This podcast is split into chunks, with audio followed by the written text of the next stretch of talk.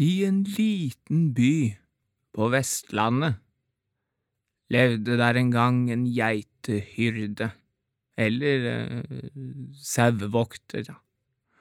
Altså en der var utdannet både til at å vokte sau og gjete geiter.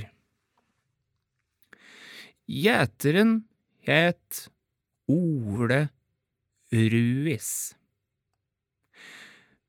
Og gjeteren som het Ole Ruis, var forelsket i hyrdinnen Tone Moli Nos.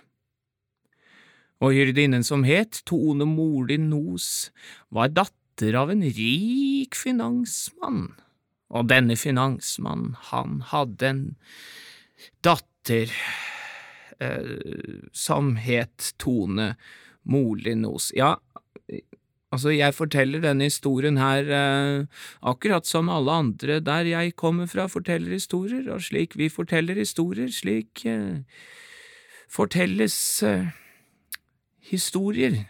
Mm. Ole Ruiz var altså forelsket i hyrdinnen Tone Moli Nos og dagene de gikk, og dagene kom, og dagene gikk, og de kom, og de gikk, og de gikk, og de kom, og de kom, og de gikk, og de kom, og de gikk, og de kom, og de kom.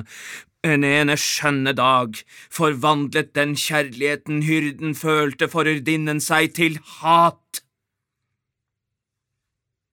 Tone Mole Nos hadde aldri vært forelsket i hyrden Ole Ruiz, men da hun skjønte at han avskydde henne, da…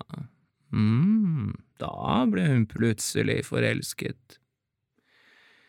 Det der hendte vår geitevenn, var at han geitet 300 sauer og 50 geiter som han geitet. Um, je, gjeter, ikke sant, for det er godt gjettet at, at, ja.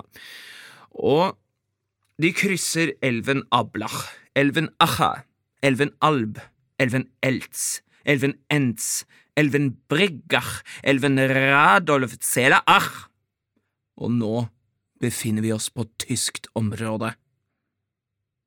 Du har hørt utdrag fra arbeidstittel Savnet fellesskap av Jonas Korell Pedersen.